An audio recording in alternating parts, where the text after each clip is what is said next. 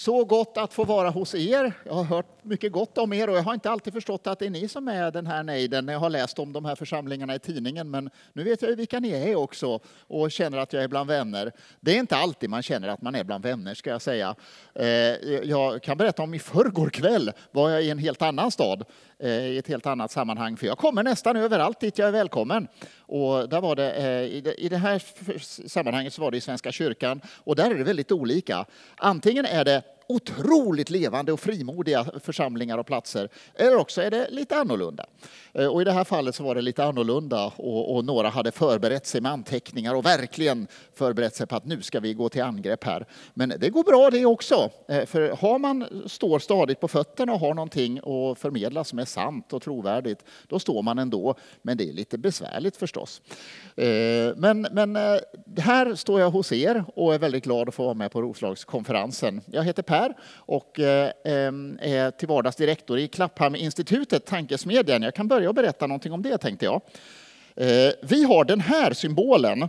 Det här är en medeltida symbol för treenigheten. Eh, men det är också ett sätt att visa att det finns, om vi tänker oss att det finns tre fält på samhället så är det kyrkan, politiken och akademin. Vi är inget av det, men vi är en tankesmedja som försöker finnas i fältet mellan de här områdena och vara en tydlig och frimodig kristen röst i det land som vi lever i som är ett mycket speciellt land. För när vi började för 15 år sedan då fanns det ingen fungerande tankesmedja i världens mest sekulariserade land. Eh, så då startade vi och jag kom in på ett litet hörn och sen växte det där ansvaret och hörnet och nu har jag varit ledare för arbetet i sex år blir det. Eh, och väldigt glad för det. Eh, och vi arbetar på olika sätt. Dels med att skriva debattartiklar i tidningarna, dels med att ha olika former av utbildningssatsningar. Eh, jag var i Stockholm förra veckan och var det väl och talade på en samling för unga vuxna. Vi har startat en föreläsningsserie för unga vuxna för att rusta dem för studier och för yrkesliv i den press som man hamnar i i det här speciella landet som man är i. Eh, och vi gör seminarier på, ja, i Almedalen, i riksdagen och på andra offentliga platser där man når makthavare med ett budskap som är grundat på biblisk kristen tro. Eh, vi skriver rapporter. Det är ett väldigt bra sätt att eh, nå ut med ett genomarbetat material. Jag har några exemplar med mig av vår senaste rapport som handlar om skolan, som är ett ämne som vi kommer att tala om idag. Och den här rapporten den utgår från läroplanen som säger att undervisningen i svensk skola ska vara saklig och allsidig. Men som ni ser på titeln eh, så noterar vi att när det gäller beskrivningen av kristendomen, det är det vi har strukturerat gått igenom. Hur beskrivs kristendomen i religionsläroböckerna och i naturkunskapsläroböckerna i skolan? Och finner att det är ibland helt förfärande snedvridet och ibland rent felaktigt. Och då har vi sammanställt det här och sen har vi skickat det till läromedelsförlagen och till beslutsfattare och så fick vi också hjälp av pressen faktiskt att ställa spetsiga frågor till läromedelsförlagen som, som på något vis fick erkänna att nej, men det här kanske inte var riktigt bra, att det står att Jesus kanske var gift med Maria från Magdala och så vidare eh, i läroböcker. Eh, så det ska vi nog ändra till kommande upplagor och då får man övervaka dem och se till att de faktiskt står för det. Nu håller vi på med två rapporter. Eh, en eh, författas av en som finns eh, här i nejden. Ska vi se, du är väl inte här va? André Jute. Eh, som några av er kanske känner. Han skriver en rapport om familjen, eh, om, om familjepolitisk forskning över världen. Och, och slutsatsen blir ju ganska tydlig då att helt enkelt att det, är bra för ett land med fungerande familjer. Och det förstår alla. Men politiker behöver ibland få det svart på vitt i händerna innan de ska fatta beslut. Och den andra rapporten vi håller på med är jurister och läkare som sitter och eh, jobbar med en rapport om... Det har ju kommit ett förslag att eh, aborter ska skrivas in i grundlagen. Vi tycker att det är ett dåligt förslag. Och vi har också fått en förfrågan från politiker som säger att vi behöver material att sätta i händerna på andra politiker och jurister i det här fallet.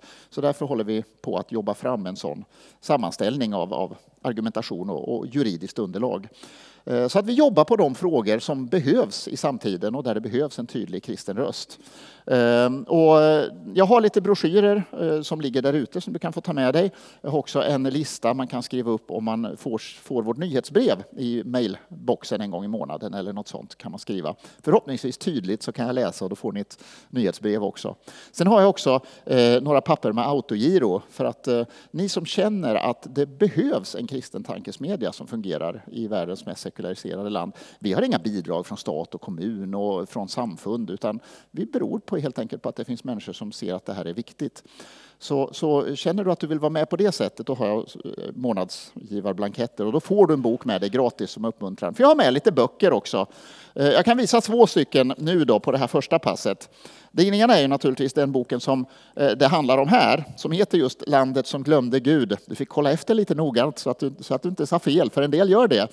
Eh, den heter alltså Landet som glömde Gud. Gud glömmer ingen, men länder och folk och kulturer kan glömma sin skapare, ibland passivt och ibland aktivt.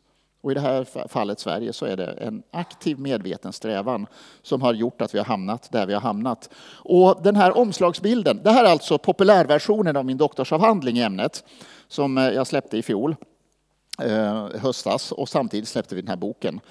Och eh, det här är ju en slags detektivberättelse av det moderna Sverige. Och då kan jag visa, jag har med några ex av eh, en tidigare detektivberättelse som var mycket roligare att skriva. Eh, för jag är ju historiker som akademiker. Och då fick jag en idé för några år sedan. Undrar om man skulle skriva en slags detektivundersökning av den första påsken. Vad var det egentligen som hände? Och då blev det den här lilla boken som nu finns i pocket. Den är jättebillig, den kan man skaffa med sig till sig själv eller till vem som helst som vill ta del av evangeliet. Den heter just Sherlock, fallet med den tomma graven. Vad skulle hända om världens främste detektiv skulle undersöka världens mest omtumlande försvinnande? Vilken grund står vår tro på om vi verkligen skakar på allting? Håller det. Det är en förkunnelse om evangeliet. Jätterolig att skriva. Och sen har jag lite annat också, men det kan jag berätta om nästa pass. För att när jag har de här föredragen, då brukar det ofta vara så att eh, någonstans första två tredjedelarna, då blir folk alldeles deppiga och håglösa och sen får jag försöka fiska upp dem och inspirera på slutet. Men nu har vi två pass här, så då kör vi den lite mer tunga och jobbiga historiska genomgången, första passet fram till lunch. Och eh, ska vi se, där har jag en klocka som jag kan titta på. Så att vi håller väl på till framåt kvart i tolv kan jag tänka mig. Och sen har vi en stund där vi kan ställa lite frågor och komma med lite inspel på just den här historiska genomgången som vi behöver för att sen förstå, okej, okay, så här är tillvaron i konungariket Sverige.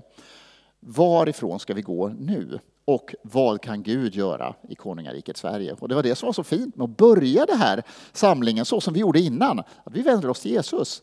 Eh, därför att Jesus är den han är i alla tider och alla stunder. Eh, och han är den som har kallat församlingen ut att gå ut i hela världen, till och med till Sverige och göra hans vilja och göra alla folk till lärjungar. Men nu är vi just i det här fallet och i det här landet som är så annorlunda. Och ni har alla sett den här tavlan på, som jag har valt som omslagsbild på boken som heter Minnet av ett landskap. Det är också ett Eh, ett namn. Det är lin från alla Sveriges landskap sammanvävda i 200 nyanser av grått. Ser ni något liv i tavlan? Inget liv, ingen färg. I världens mest frigjorda land där alla är fria att göra vad de vill och vi har kastat av oss alla hämmande band. Det är intressant ändå måste jag säga. Och då låter jag den här äldre mannen och den lilla flickan vara så att säga våra representanter som funderar och betänker vad hände egentligen? Och hur nöjda är vi med det som har skett? Och vart vill vi gå härifrån så att den lilla flickan kan få en framtid som blir bättre än vad den är när vi ser på nyheterna varje dag i tv nu.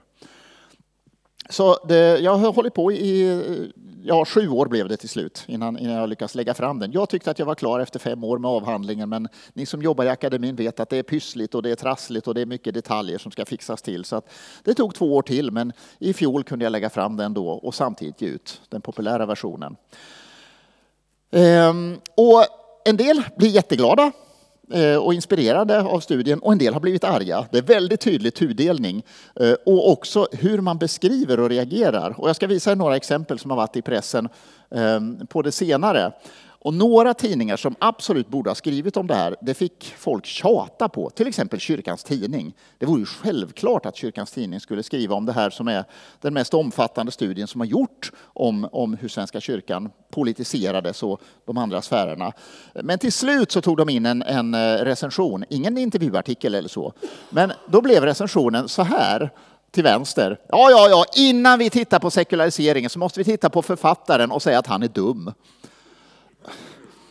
Som om det här hade med mig att göra. Det har ingenting alls med mig att göra. Jag råkar bara ha gjort en historisk undersökning. Det har gått igenom ett stort källmaterial eh, av partiprogram, statliga utredningar, läroplaner, böcker av olika aktörer. Sådär för att bilda en bild av vad det är som har hänt. Men det här är ett väldigt smidigt sätt att komma undan sakfrågan och säga jag tycker författaren är dum, så läs inte det här. Ha, sen kom det en recension i Dagens Nyheter. Det var också flera som tjatade på kulturredaktören där och tyckte att det här är ju en angelägen bok. Ja, ja, okej, vi tar in en. Och då tog de in en artikel på själva långfredagen, den enda dag på året när tidningen inte kommer i papper. Eh, och då skrev recensenten så här uppmuntrande att ja, ja, ja, den här författaren håller på att tjata om att Sverige är så sekulärt. Så är det inte alls. Sverige är precis som alla andra länder. Så läs inte det här. Ja. Eh, och så i somras så var det flera av er som kanske läste att det var väldigt drag i tidningen Dagen eh, där en drog igång den här debatten då genom att säga nej, nej, nej, det finns inget vetenskapligt stöd för det här. Han bara håller på och gnäller på ett parti. Så, så är det inte alls. Men den här studien, jag tycker en massa saker när jag är liksom ledare för Klapphamninstitutet och vi driver opinion. Men i den här studien så tycker jag strikt mening ingenting. Utan jag presenterar bara ett historiskt skeende. Och jag presenterar en nutidsbild som är hur är Sverige egentligen? Här har vi världens länder och jag tror att flera av er har sett den här skissen från World Value Survey som är världens största sammanställning av människors värderingar. Och då grupperar sig länderna på ett naturligt sätt i olika kluster kan man säga. Ju längre högerut vi kommer på bilden, desto mer individualistiskt blir ett land.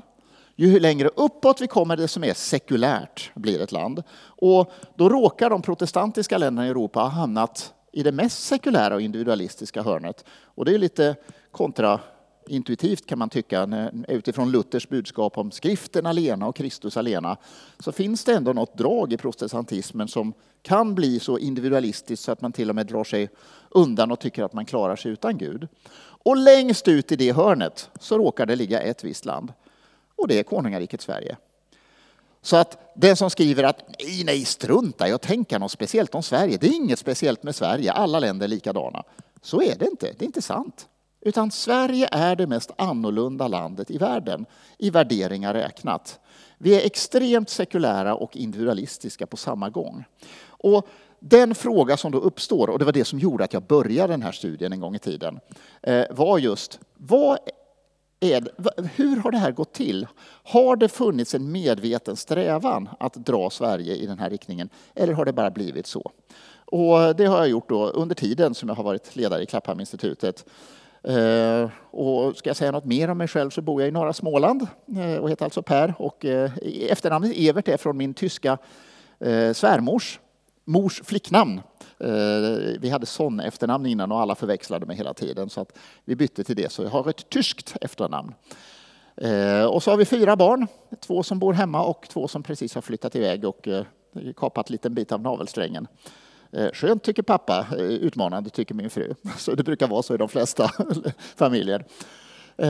Så att jag skriver och ja, på olika sätt. Det är så jag gör i min, i min vardag och åker runt och träffar människor så här som jag har gjort ganska mycket det senaste året. Men låt oss påbörja den här resan då som eh, vi ska göra tillsammans. Eh, nu ska jag visa er en, en teoretisk skiss. Det blir bara en, så var inte oroliga. Men den här har varit så bra för mig att, för att förstå och kunna ta ställning till allt det här historiska materialet som jag har studerat och också som vi möter hela tiden i massmedier, i politisk debatt och kanske i våra yrkesliv. Att autonomin har blivit ett mycket starkt värde i Sverige. Autonomi betyder ju det grekiska och betyder själv, lag, autonomia.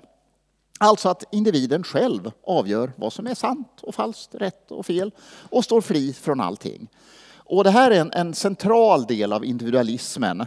Det finns individualistiska rörelser som inte är autonoma, USA till exempel, traditionellt USA, där individen är viktig men där man kopplar mycket tydligare till ja, kyrka, civilsamhälle, familj.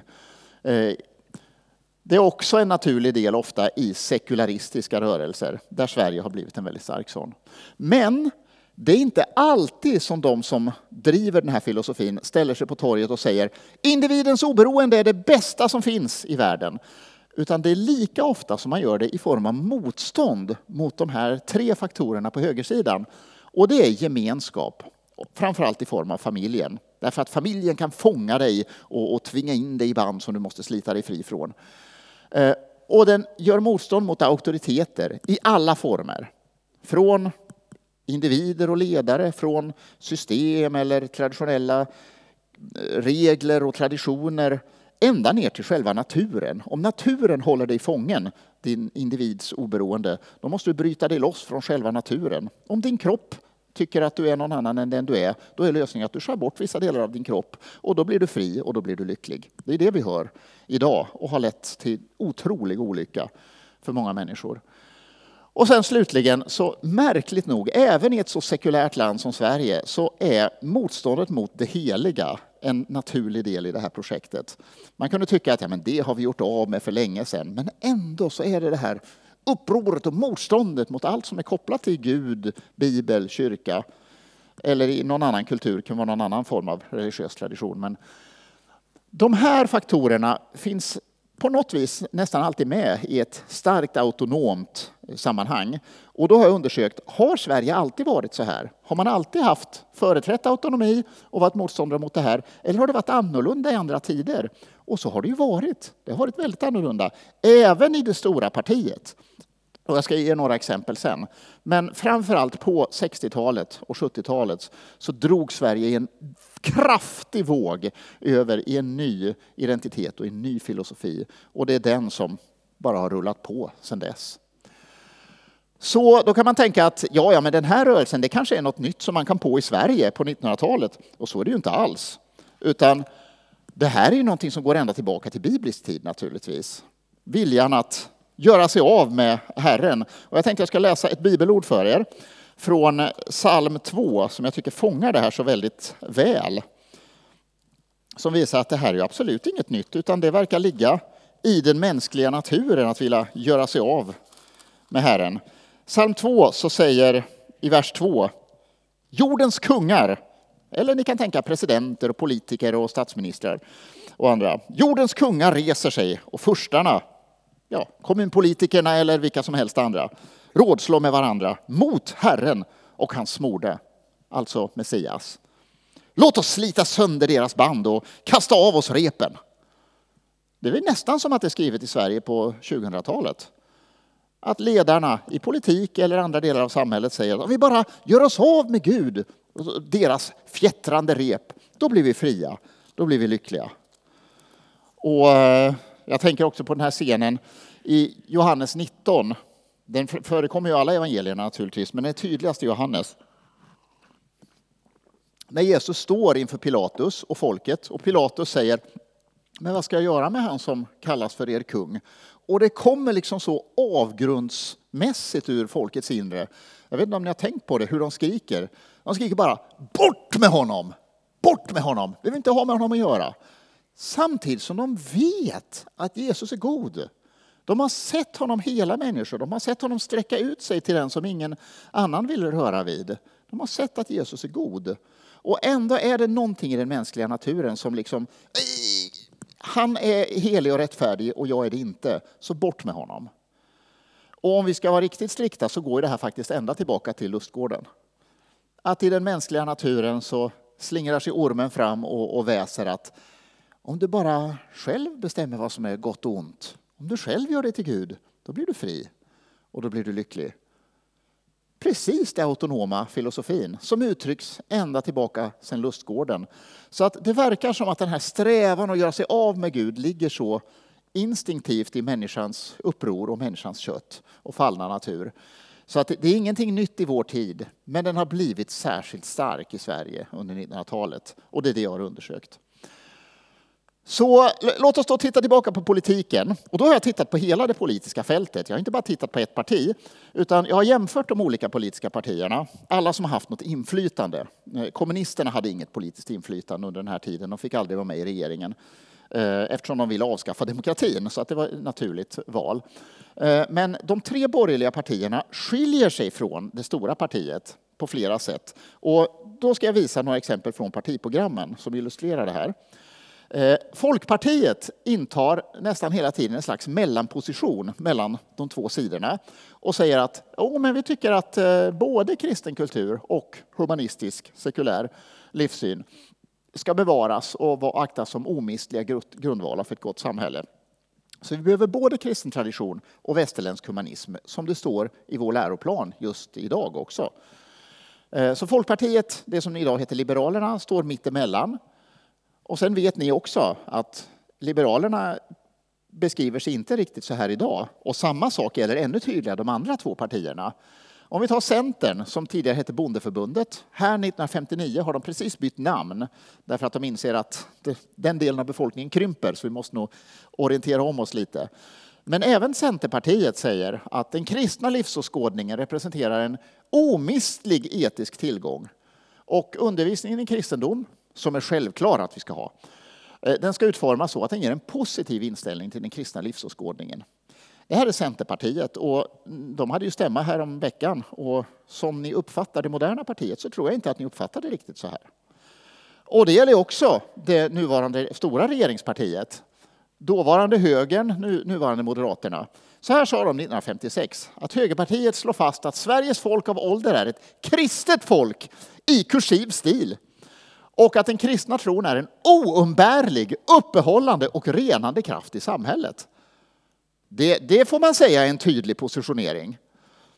Och ni, ni, kan inte Moderaternas partiprogram utan till, men ni har en föraning om att det inte står så här idag.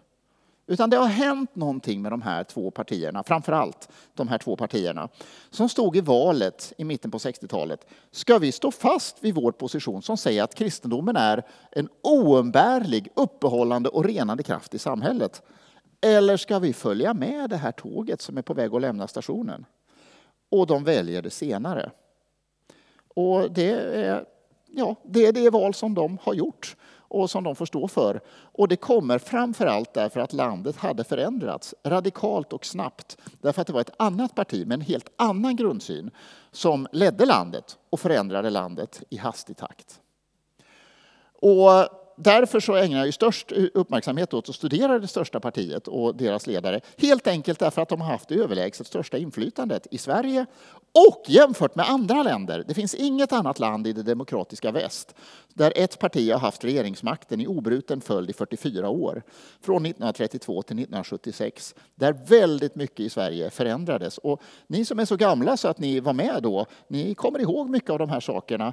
Och mycket har man liksom en känsla av att så här var det nog. Det jag har gjort det är att gå igenom allt material och sätta det svart på vitt så att ingen kan säga att nej men så där var det inte. Jo, några försöker göra det i tidningen, men det hjälper inte för verkligheten är den den är i alla fall. Och då har jag satt svart på vitt vad som skedde, med vilka argument, vilka personer och vilka beslut. Så att vill du få en, en tydlig bild av vad som har hänt i konungariket Sverige så, så rekommenderar jag att skaffa med boken sen. Eh, det är också så när man gör jämförelser mellan partiers inflytande i olika länder så visar det sig att det svenska socialdemokratiska partiet haft större inflytande beroende på statsskick och regeringsform och eh, praktisk politik jämfört med sina systerpartier i andra länder. Så att det finns en stor anledning att granska just det här partiet och hur man har drivit politiken i landet. Och då är det lätt också att följa ledarna därför att de är bara tre stycken under den här perioden. Och de har partiprogram som också är väldigt lätta att följa eh, därför att de är nästan likadana under hela tiden. Medan de andra partierna ändrar sig under vägen så ändrar sig inte Socialdemokraterna utan de har ett program från början och sen genomför de det. Eh, så att om ni läser då partiprogrammet, det första partiprogrammet från 1897 då är det väldigt likt förra årets valrörelse 2022. Att religionen ska vara en privatsak. Skolan ska brytas loss från religion och kyrka och göras om till någon slags medborgarskola. Det var ju precis det som både Socialdemokraterna och Liberalerna drev i valrörelsen i fjol, om ni kommer ihåg. Det finns ett litet, litet spår kvar av kristendom kvar i skolan. Det måste bort. Och då är det tre statsministrar. Och jag ska inte säga mycket om dem, det kan ni läsa noggrannare i boken. Men om man ska bara sammanfatta Per Albin så beskriver han sig som marxist, Eh, det är liksom hans positionering hela vägen. Och då menar han att det är liksom naturligt att det finns en distans mellan min livsåskådning och kristendomen. Det, det, är en kort sammanfattning, så kan du läsa i detalj sen. Eh, och sen är det ju så att Per Albin faller död ner på spårvagnsperrongen på väg hem till en av sina två familjer. Han hade ju som bekant två. Förutom Margareta Sjöberg på kontoret. Han skriver ju om det här i dagböckerna så att det är ingen hemlighet. Det kan vara vem som helst läsa om. Men tidningarna skrev inte om det för de tyckte det var Nej, det var inte någonting man skulle skriva om. Men det är också noterbart hos flera av de här ledarna att de både driver en ideologisk linje och också lever ett liv som är väldigt, jag ska man säga, oortodoxt i familjelivet. Det gäller flera av de här gestalterna. Eh, det gäller däremot inte hans efterträdare, Tage Erlander. Så vitt man ser så, så har han skött sig väl på det liksom, moraliska området och håller sig till aina hela livet. Eh, däremot så är han, eh, han är inte fientlig direkt till den kristna tron, men han är bara ointresserad av den. Därför att han tyckte att det var någonting som vi behövde förr, men inte nu. Det var någonting jag behövde förr, men inte nu. Ni vet kanske att när Tage kom till Lund och började studera så var den första förening han gick med i var en bibelstudiegrupp. Eh, för att han kom från ett fromt missionsförbund där hem i Ransäter i Värmland. Eh, och då gick han med i det när han kom dit. Men under tiden i Lund så gick han också med i en annan rörelse. Och när han var klar där, då hade han helt lämnat det förra och gått in i det nya. Men han är inte direkt fientlig mot, mot religionen och mot kristendomen. Det som är hans stora arv och inflytande som Sveriges längste statsminister på två sätt är att han ger inflytande till andra som är mycket mer radikala än han själv. Bland annat då hans unge sekreterare som sen växer i graderna och sen blir den tredje statsministern under den här perioden. Och det som kännetecknar Palme, han skriver kopiöst mycket eh, och jag har läst allt som han har gett ut i bokform. Eh, en del har han gjort naturligtvis med hjälp av sekreterare och en del är tal som han har tryckt som böcker. Men det finns en genomgående linje. Han är oerhört materialistisk och han är också oerhört radikal på ett sätt som Melander inte är. Även när det gäller kristendomen. Och då ska vi komma ihåg att Olof Palme är den sista ecklesiastikministern i Sverige. Ecklesiastikdepartementet hade alltså eh, ansvar för både kyrka och skola. Ecclesia, församling, var naturligt att hade hand om det eftersom det var kyrkan som stod för utbildningen i början. Eh, men han, när han får frågor om det och, och liksom tvingas fatta beslut, han är ju ändå högsta ansvarig för kyrkan i Sverige, då är han direkt föraktfull och visar liksom att hur, hur vågar ni ta upp den här typen av frågor i ett modernt land? Det har ju ingenting med ett modernt samhälle att göra. Ehm, så att, han, han utskiljer sig som mycket mer radikal. Och det gäller också flera andra som är på nivån under. För de som är statsministrar, det vet ni också, att de har ju mest till uppdrag att se till så att regeringen håller ihop, landet funkar, hamnar inte i krig eller kris och sådär. Utan de mer radikala personerna som formar landet är ofta de som är på en nivå under. Och i, i Sveriges fall så är det, när det gäller kyrkan, så är det två gestalter. Och en av dem tror jag att fler känner igen och eh, en av dem tror jag nästan ingen känner igen om ni inte har tjuvläst boken innan. Det är Arthur Engberg och Harald Hallén. Och Engberg är ju han som myntade det här uttrycket eh, Kungliga salighetsverket. Att vi bygger om kyrkan till någon slags statlig myndighet som sysslar med lite fromma saker ibland. Eh, han beskriver sig som, och det gör han öppet i riksdagen, som jag är i alla avseenden en motståndare till den kristna tron. Det är ändå tydligt. Om vi sätter då högerpartiets program på den ena sidan och Engberg på den motsatta sidan, då är de exakta motpoler. Allt är bra med kristendomen, allt är dåligt med kristendomen. Eh, därför att det är så han eh, driver sin ideologi som ung. Han är mycket stark motståndare mot kristendomen och vill bekämpa den på alla sätt som kan. Om ni tittar på klädseln på mannen under, då inser ni att men han kan väl inte rimligtvis tycka samma sak. Och det gör han inte. För Harald Hallén är präst i Svenska kyrkan. Men han är en mycket liberal och eh, kreativ teologisk eh, präst som står långt ifrån en traditionell kristen bekännelse. Men han är framför allt en lojal partimedarbetare som långsiktigt och målmedvetet, han sitter i alla viktiga utredningar på 10, 20, 30, 40, 50-talet som handlar om staten och kyrkan.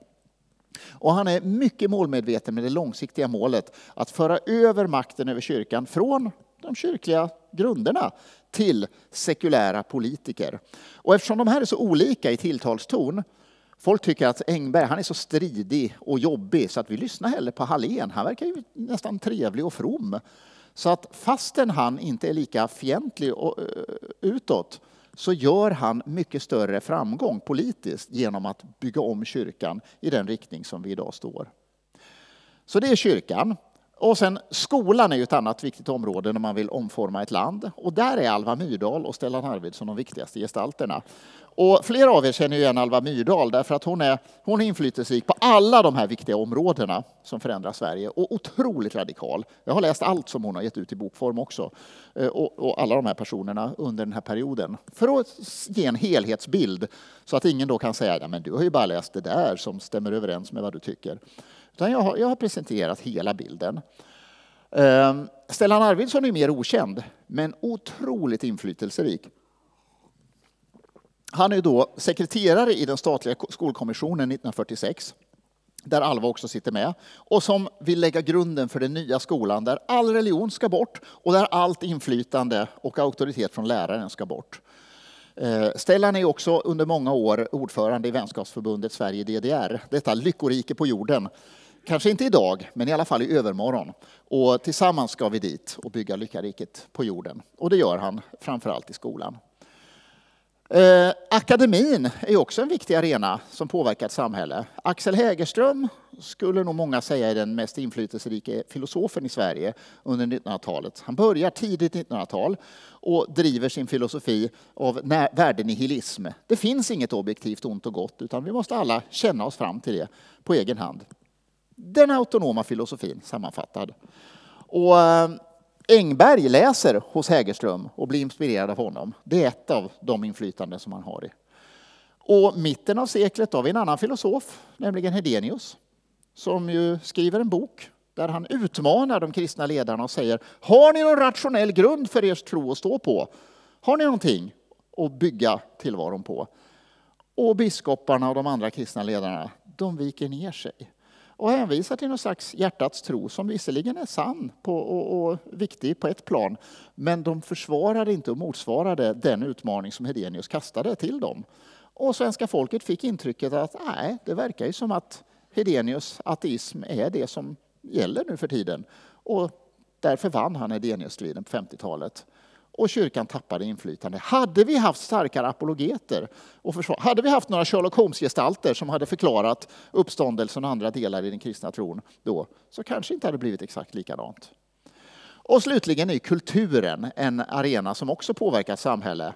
Jag bryr mig inte om vem som skriver lagarna i ett land, var någon som sa, så länge jag får skriva sångerna. Och kulturens stora gestalt på 1900-talet, ja, det måste ju sägas att det är Bergman som ägnar så stor del av sitt kulturskapande åt att göra uppror mot Fader sin på jorden, prästen, och Fader vår som är i himlen. Ja, här har vi sju gestalter på väldigt olika områden av samhället som alla delar samma grundläggande filosofi. Vi måste bryta loss människan från de här fjättrande banden från Gud och hans mode och andra typer av auktoriteter. Då kommer människan att bli lycklig och fri. Och det är det samhället som vi står i idag. Och man får själv göra sin utvärdering utifrån hur man ser vad som händer på nyheterna varje dag. Så det här sker på tre slagfält huvudsakligen. Eh, det är, och det kommer i en viss ordning också. Det första är kyrkan. Slaget om statskyrkan står på 30 och 40-talet framför allt. När det är gjort, då finns inte kyrkan som en lika stark motkraft. Och då kan man lättare gå vidare med nästa område som är skolan. Och slutligen samma övning i familjen. Och då, då, skrev, jag ska visa vad den arge recensenten i DN skrev. Han skrev att ja, ja, ja, den här författaren håller på och tjatar om kyrka och skola, politik. Så har man inte alls tänkt i Svenska kyrkan, utan det är någon konstig konservativ syn. Det är bara för att han är med i fel samfund eh, som han tycker så här. Det blir bara konspiratoriskt. Det finns inget nytt eller överraskande här. Ingenting att se, gå hem, stäng boken, lägg ner. Men nu är det ju så att jag, det här handlar återigen inte om vad jag tycker, utan det handlar om vad är det för frågor och områden som politiken aktivt driver? Vilka områden är det man främst använder för att göra sitt samhällsförändrande experiment? Inte på det ekonomiska området, men på värderingarnas område. Och då är det de här tre områdena. Och det blir särskilt tydligt i ett dokument Eh, det här är Alva Myrdals rapport till den socialdemokratiska partikongressen 1969. Eh, och den här fångar det här mönstret väldigt tydligt. Ni ser vad som är nyckelordet, jämlikhet. Det tycker de flesta är bra, det låter jättebra. Frågan är, vad ligger det för filosofi under den jämlikhet som de vill bygga? Och då är det väldigt tydligt att det är de här tre områdena. Kyrkan är inte så noga längre med för att den är redan avväpnad. Skolan är däremot viktig. Vi håller på att genomföra eh, omvandlingen av den och vi ska göra de sista stegen nu. Och sen kommer familjen. Och då beskriver hon att det finns tre filosofier som har präglat eh, europeisk socialpolitik. Det första är den engelska liberalismen som är karaktäriseras av mycket gemenskap, för att jämföra med våra tre stycken motstående värden.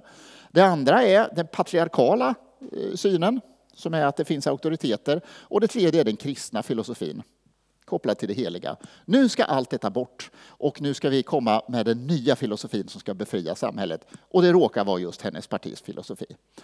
Så att det här är ju väldigt starkt grundat i de dokument som man har tagit politiskt. Och då tänkte jag att vi ska stanna till vid de här tre områdena. Kyrkan, skolan och familjen en stund. Så frågan är då, hur gör man om man ska förändra en kyrka? Det kan vara bra att veta om man vill det, eller om man vill studera hur man har gjort det historiskt.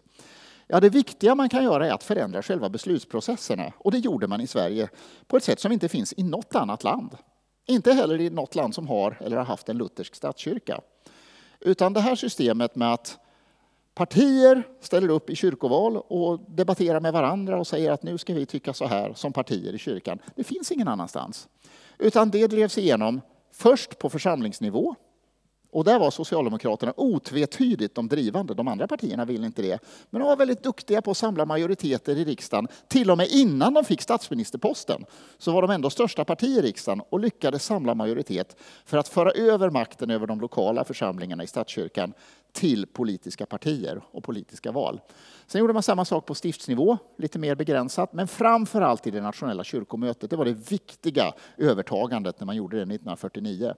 För när det väl var gjort, då gjorde det ingenting att det fanns präster och andra som fortfarande stod på Bibeln och på, på den grunden för kyrkan. För de visste att om en generation kommer vi ha andra biskopar, vi kommer ha andra präster.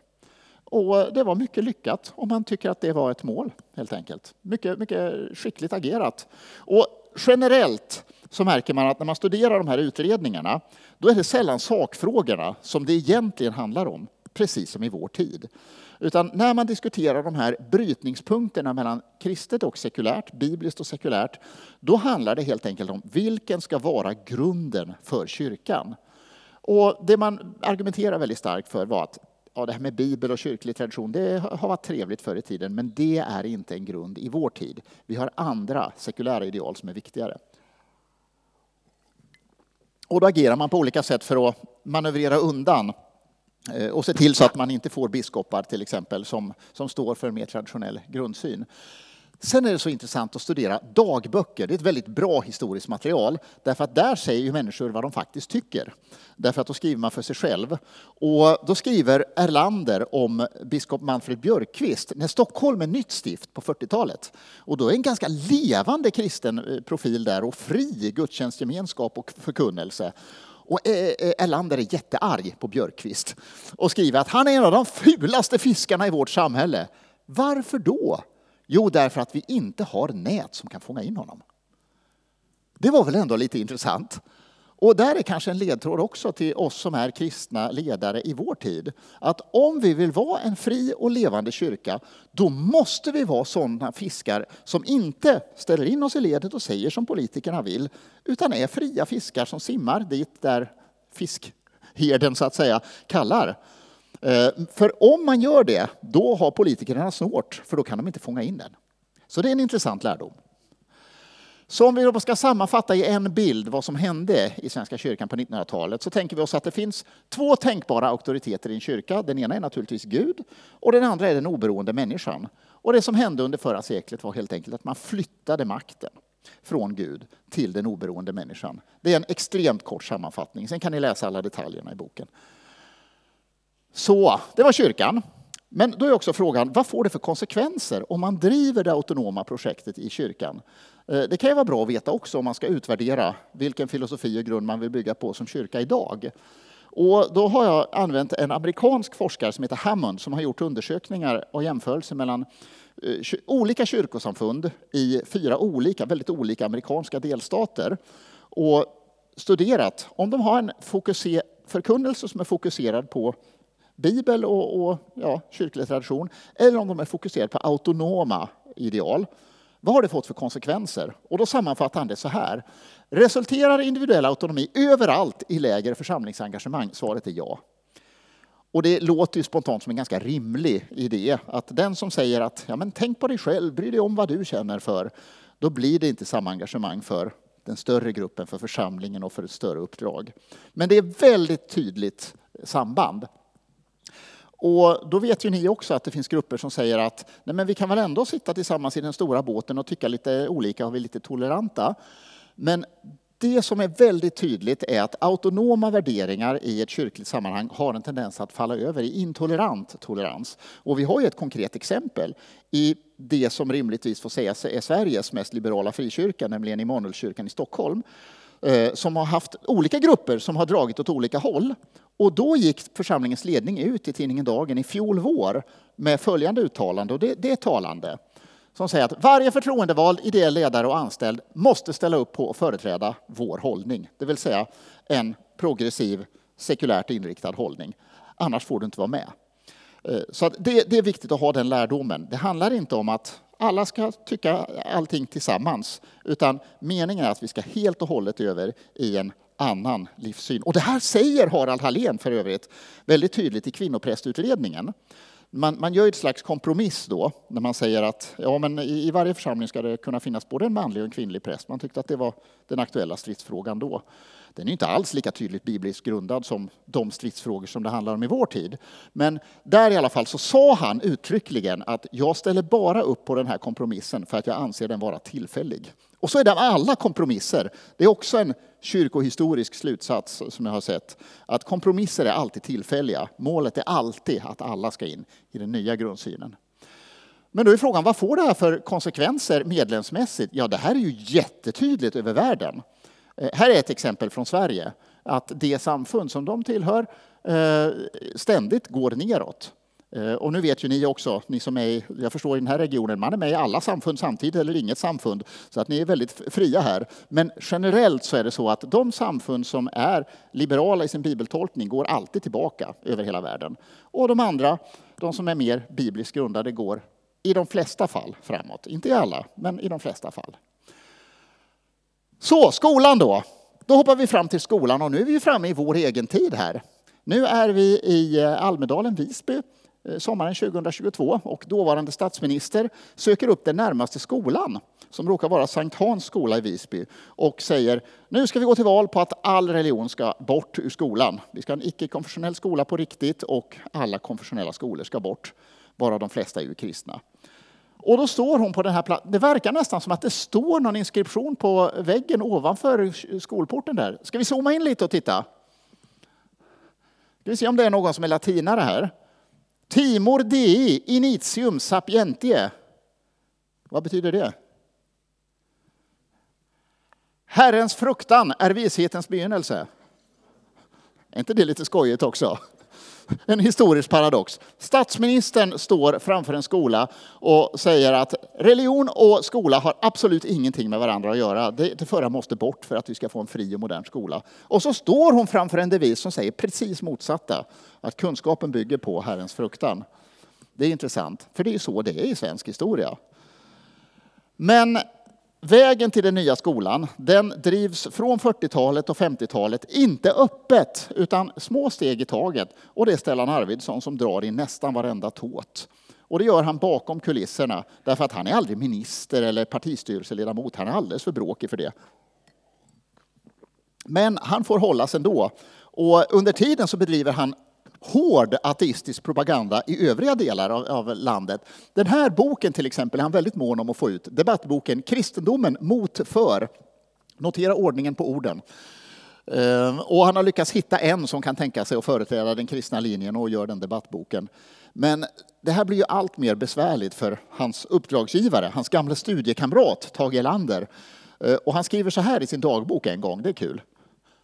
Finns det någon mer sån dubbelidiot som Stellan Arvidsson? Nu har han satt igång offentligt ett ateistiskt kampförbund som ska jobba tillsammans med Sovjet och så vidare och driva. Det var ju inte så här vi skulle göra. Han skulle sitta och arbeta lugnt och sakligt och bygga en skol, skola som alla kunde ställa upp på. Så här krigiskt skulle han inte bära sig åt. Men det var det som drev Stellan Arvidsson och det var det som han drev svensk skola i riktning mot också. Och den stora omdaningen kom ju sen på 60-talet. Och flera av er som är tillräckligt gamla, ni kommer ihåg det här. Och ni kanske till och med var med och skrev under namninsamlingen på den tiden den gjordes, när man ersatte kristendomsundervisning med religionskunskap.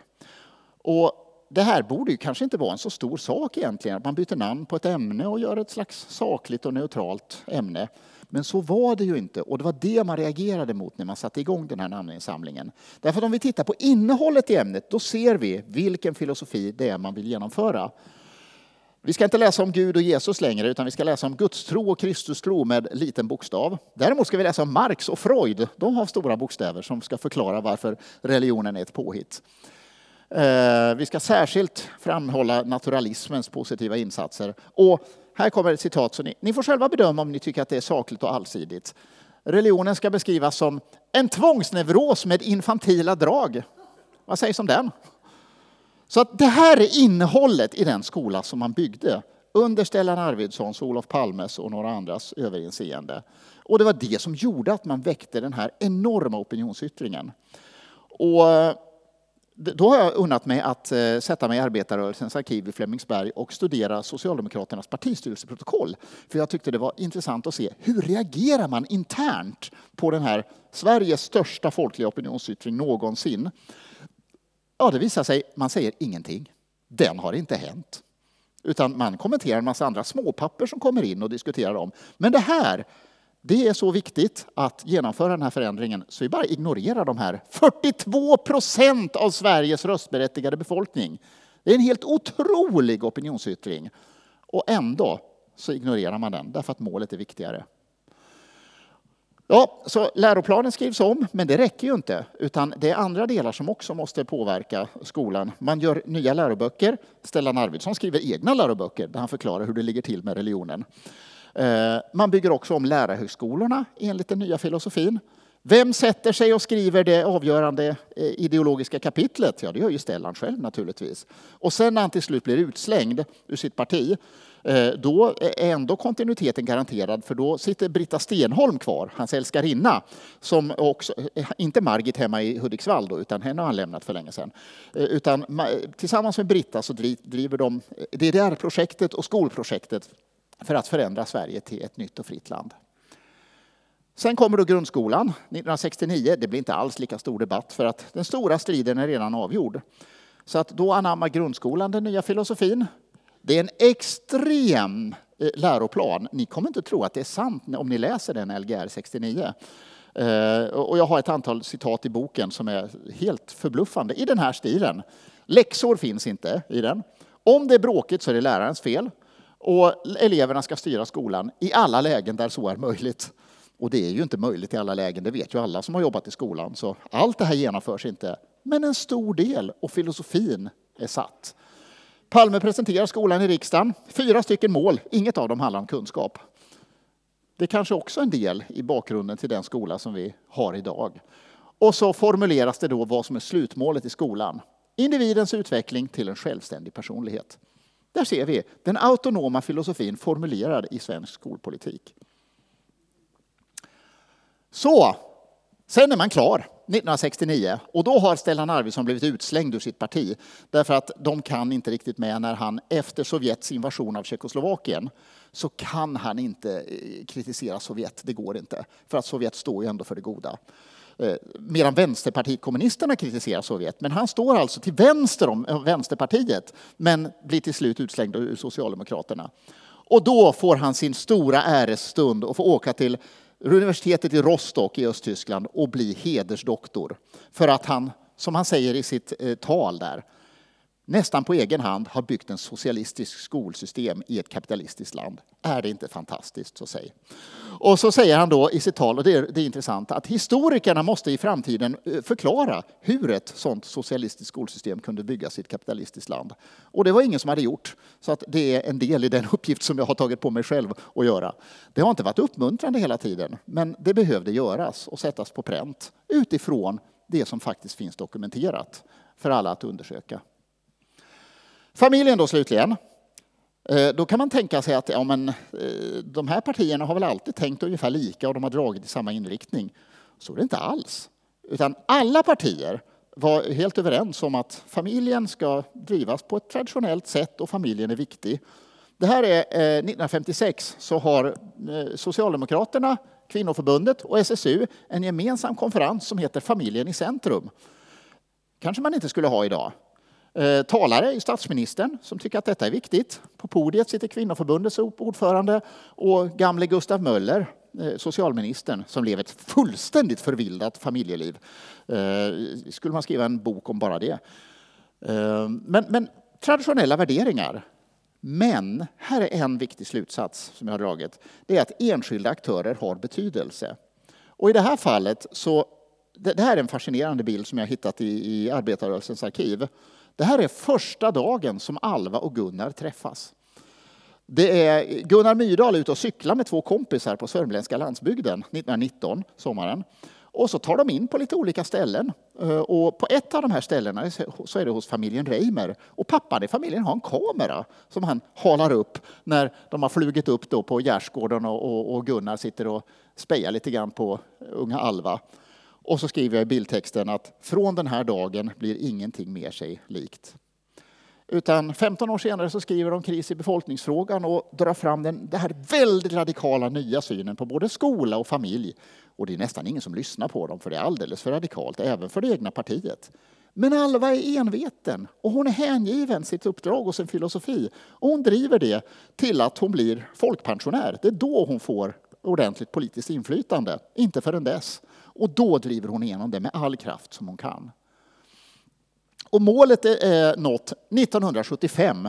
Det här är partikongressen 1975. Och den här bilden tycker jag är talande därför att den visar vilka gestalter det är som driver det här projektet. Det är Palme, och det är Sten Andersson och det är i viss mån Sträng. Om ni tittar där bak så är alltid Ingvar Carlsson i bakgrunden. Han är aldrig med bland de här som driver den här radikala rörelsen framåt. Utan jag uppfattar honom som en ledare i stil med Erlander som han vill bara se till att det funkar. Regeringen ska funka och politiken ska funka. Men de radikala krafterna där framme, det är de som har drivit igenom. Bara män ser ni förresten, det är intressant också. Och det här är nyckelformuleringen då. Att familjelagstiftning och skatte och socialpolitik utformas med hänsyn till att familjemedlemmarna är självständiga individer. Och jag började med partiprogrammen och tänkte att wow, nu har jag hittat den rykande pistolen här. Men det här är egentligen bara slutsteget på en förändring som man redan har genomfört i tio år. Och eh, det görs med ett antal olika dokument och jag går igenom dem. Men här är två som jag bara ska eh, nämna snabbt. Den ena är den här kioskvältaren som ni säkert har läst allihop. Finansdepartementets utredning från 1969, individuell beskattning. Det var ingen som hade läst den, nej. Men jag har läst den. Den är jätteviktig. Därför att de andra två frågorna, kyrkan och skolan, hade blivit stor offentlig debatt. Och man vill inte ha det som politiker. Man vill att det ska skötas lugnt och sakligt och sen ska man bara genomföra det. Så då gömde man undan det här. Istället för att göra en vanlig offentlig utredning så gömde man undan det på Finansdepartementet och definierade om Sveriges familj. Och det är en ganska viktig sak. Då bestämde man att vi går från en gemenskapsorienterad till en autonom familjesyn. Tidigare såg man äktenskapen som en faktisk och ekonomisk gemenskap. Nu beskattar vi makar som oberoende av den andra maken. Och när man väl hade fattat det beslutet, då rullade de andra besluten bara på naturligt. Därför att nu hade man omdefinierat familjen i Sverige. Och här är ett annat dokument som kommer tre år senare. Nu är det full fart in i revolutionen. Familjen i framtiden, en socialistisk familjepolitik där allt ska kastas över ända. Det är nästan som, om ni kommer ihåg för några år sedan, när Centern skulle ta ett nytt partiprogram och, och det blev jättestökigt och Annie Lööf fick åka hem från semestern och, och backa bandet lite för folk ville inte ha det här där allt skulle splittras upp. Men det var precis den filosofin som drevs i det här dokumentet också från Socialdemokratiska kvinnoförbundet. Och då har jag en bild som jag tycker fångar det här väldigt väl. Eh, det är två dagisbarn som sitter och pratar med varandra och den ena säger så här, kul får jag aldrig slabba hemma, får du? Nej, där saknar jag utbildad personal, förstår du. Det fångar det väldigt väl. Alva Myrdals filosofi. Föräldrarna är hämmande för barnen. Det gäller att bryta loss barnen till den statliga friheten där barnen kan blomma ut och vara sig själva. Ja, och sen så står Sverige där vi står idag och då kan man fundera på det här vad, vad en människa gör med sitt liv och hur man utvärderar sitt, sitt livsarv och när man står på livets slut. Och då kunde man tänka sig att en del kanske utvärderar och omvärderar och det gör några av de här personerna på sätt och vis. Om vi tar Stellan Arvidsson som exempel så gör han absolut inte det. Utan här har jag hittat en bild som jag tycker är helt fascinerande. Hittade jag i, i Kungliga bibliotekets arkiv. Eh, då har han hittat någon regimkritisk demonstration och han ska hasa sig fram och vara med i den. Och han är jättegammal och nästan färdig, men han ska absolut vara med. Och då har jag också hittat den sista intervjun som Stellan Arvidsson gör. Eh, han är 93 år och eh, intervjuas av DN. Och då kan man fundera på vad gör man med sista tiden i sitt liv? Stellan Arvidsson skriver en bok. Vad ska den ha för mål då? Jo, den ska bli dödsstöten för kristendomen i Sverige. Ja, ska översättas till en, eh, 20 språk, gå ut i en miljon exemplar och ta död på kristendomen och religionen världen över. Det var förhållandevis tydlig eh, livskallelse han ser för sig. Va? Nu blev väl inte den här boken färdig och inte ens den här artikeln blev färdig. Det här tycker jag är jättemärkligt. För då avslutas det med att han tänker att han blir nog nedskjuten på gatan av en fundamentalist. En ädel död, eller hur? Och så slutar artikeln. Det är inget, det är inget frågetecken, det är inget, det är inget skiljetecken, utan hans liv slutar i offentligheten i ingenting.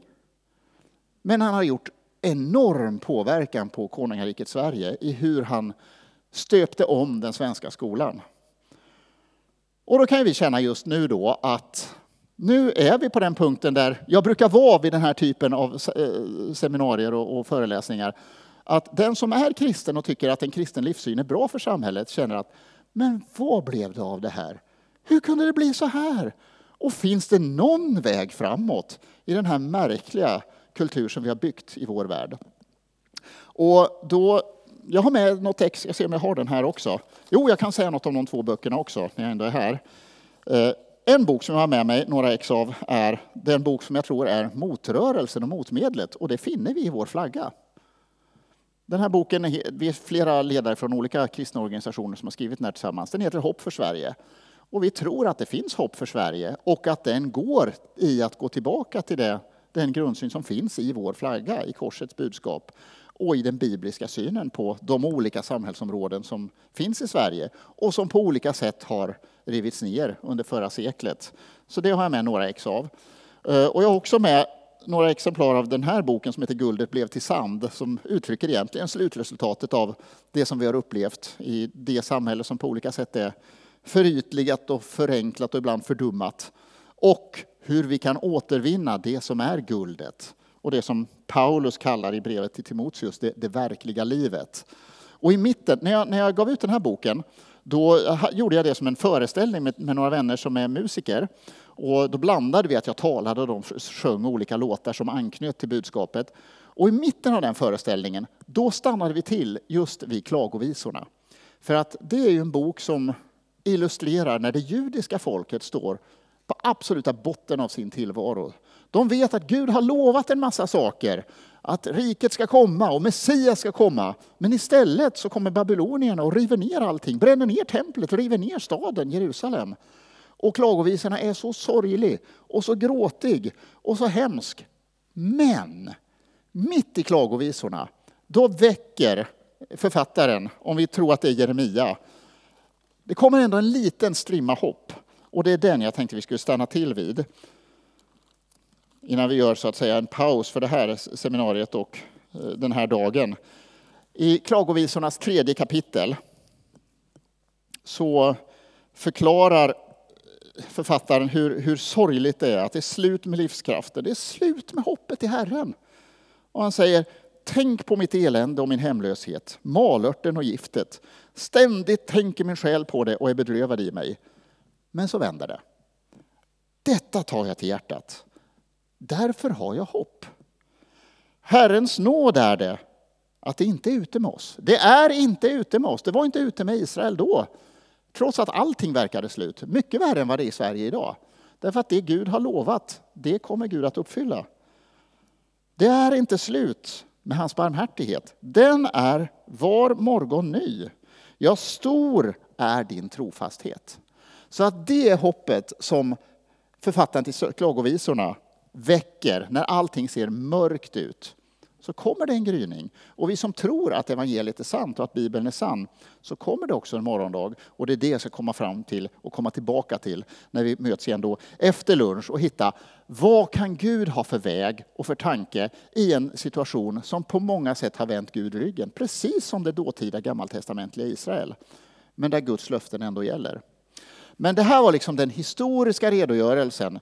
Eh, och nu har vi en liten stund på oss innan det blir lunch. Och sen på vägen ut så, så kan jag stå vid, vid bokbordet och samtala och, och, ha lite böcker och material om Klapphamninstitutet och sådär. Men ska vi ta en stund och, och, dela lite tankar eller minnen eller frågor vad gäller den här historiska redogörelsen och påverkan av sekularismen, individualismen och politiken?